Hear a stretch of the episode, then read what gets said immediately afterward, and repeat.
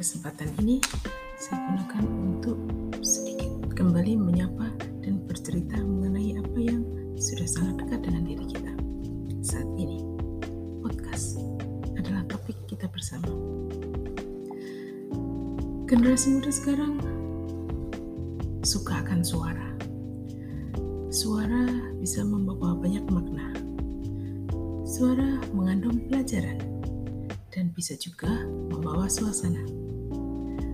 Atau suara baik sekali untuk dimanfaatkan sebagai latar belakang yang diperlukan untuk menjaga konsentrasi. Itulah sebabnya platform yang ada untuk memberikan sesuatu berbasis suara saja bermunculan di mana-mana. Salah satunya adalah podcast ini. Dan mahasiswaku ternyata menyukainya. Menurut mereka, lebih ringan pekerjaan yang harus dilakukan dengan mendengarkan suara daripada harus membaca sebuah buku teks. Karena itu, mahasiswa menyukai podcastku di LMS kampus kami yang berbasis Moodle. Aku bisa melihat dari statistiknya. Sebagai seorang akademikus, sebenarnya sangat bermanfaat sejak dahulu buku menjadi ikon tersendiri untuk penggemar pengetahuan seperti aku. Namun, saat ini membaca buku menjadi berat. Bukan karena apa-apa, namun karena ada yang lebih ringan untuk dilakukan dan bisa memahami apa yang tertulis itu dengan cara mendengarkannya. Jika di era digital ini e-book sangat laris dan menjamur, keluar menjadi versi varian dari sebuah buku teks, maka di lain pihak audiobook ternyata lebih banyak disukai oleh mahasiswa dibandingkan e-book.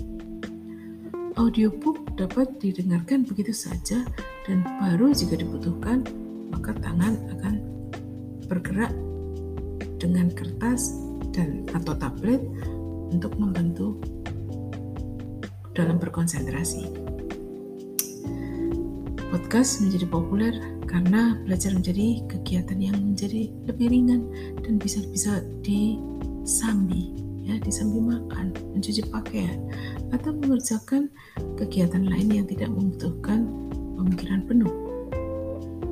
Atau bisa-bisa podcast juga menjadi seperti dongeng menjelang tidur. Dongeng pengantar tidur. Harapannya adalah otak bisa membantu memecahkan masalah yang diberikan selama belajar dan berlangsung dalam tanda kutip sambil beristirahat. Bukankah banyak ilmuwan yang mendapati masalahnya terpecahkan dalam mimpi? Seperti ilmuwan Kekule yang berhasil menemukan rumus struktur senyawa benzena yang siklik itu, yang berbentuk lingkaran itu, karena bermimpi melihat ular yang menggigit ekornya sendiri. Mungkin podcast akhirnya juga akan menghasilkan hal serupa. Di lain pihak, perkembangan ini juga menjadi bahan bagi beberapa orang, terutama yang tidak banyak memahami kehidupan di dunia digital.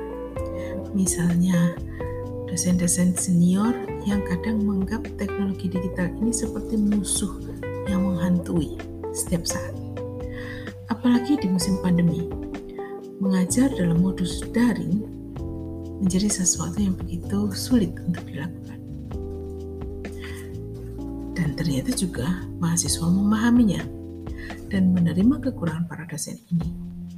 Inilah salah satu karakter zaman yang bagus yang kuamati beberapa tahun ini.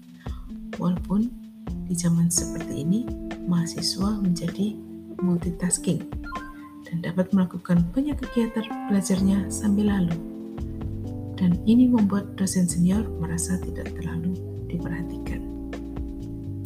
Dosen sangat senior yang biasanya menuntut tata krama, tata krama penuh dari mahasiswa, harus menyadari hal ini bahwa dengan sebagian perhatian kepada podcast dan sebagian lain melakukan hal lain, bukan berarti tidak menghormati dosen. Jadi, masalah dosen sebenarnya juga bukan melulu pada masalah teknologi informasi, namun ada masalah sikap yang kurang fleksibel menghadapi perubahan. Menarik juga untuk dibahas bahwa podcast atau suara digital dapat menjadi jembatan bermacam-macam kesenjangan.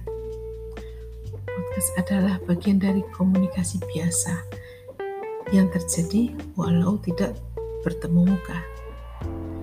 Jika kita mendengarkan podcast wawancara, maka ini seperti melihat acara televisi yang tidak bergambar, namun pikiran kita menggambarkannya sendiri menjadi realitas seperti yang sesungguhnya. Dengan demikian, podcast juga merupakan sarana untuk menyampaikan bahan ajar yang membuat mahasiswa membayangkan sendiri apa yang sedang disampaikan. Tentu saja, dosen tidak bisa mengatur mahasiswa membayangkan persis seperti apa yang dosen bayangkan. Namun, seorang dosen yang baik akan dapat menyajikan suara digitalnya untuk menyampaikan topik secara objektif dan membuat mahasiswa mempersepsinya secara objektif pula. Sesuatu yang rumit untuk dinyatakan dengan kata-kata bukan? Bravo Podcast, suara digital di era digital. Sampai jumpa.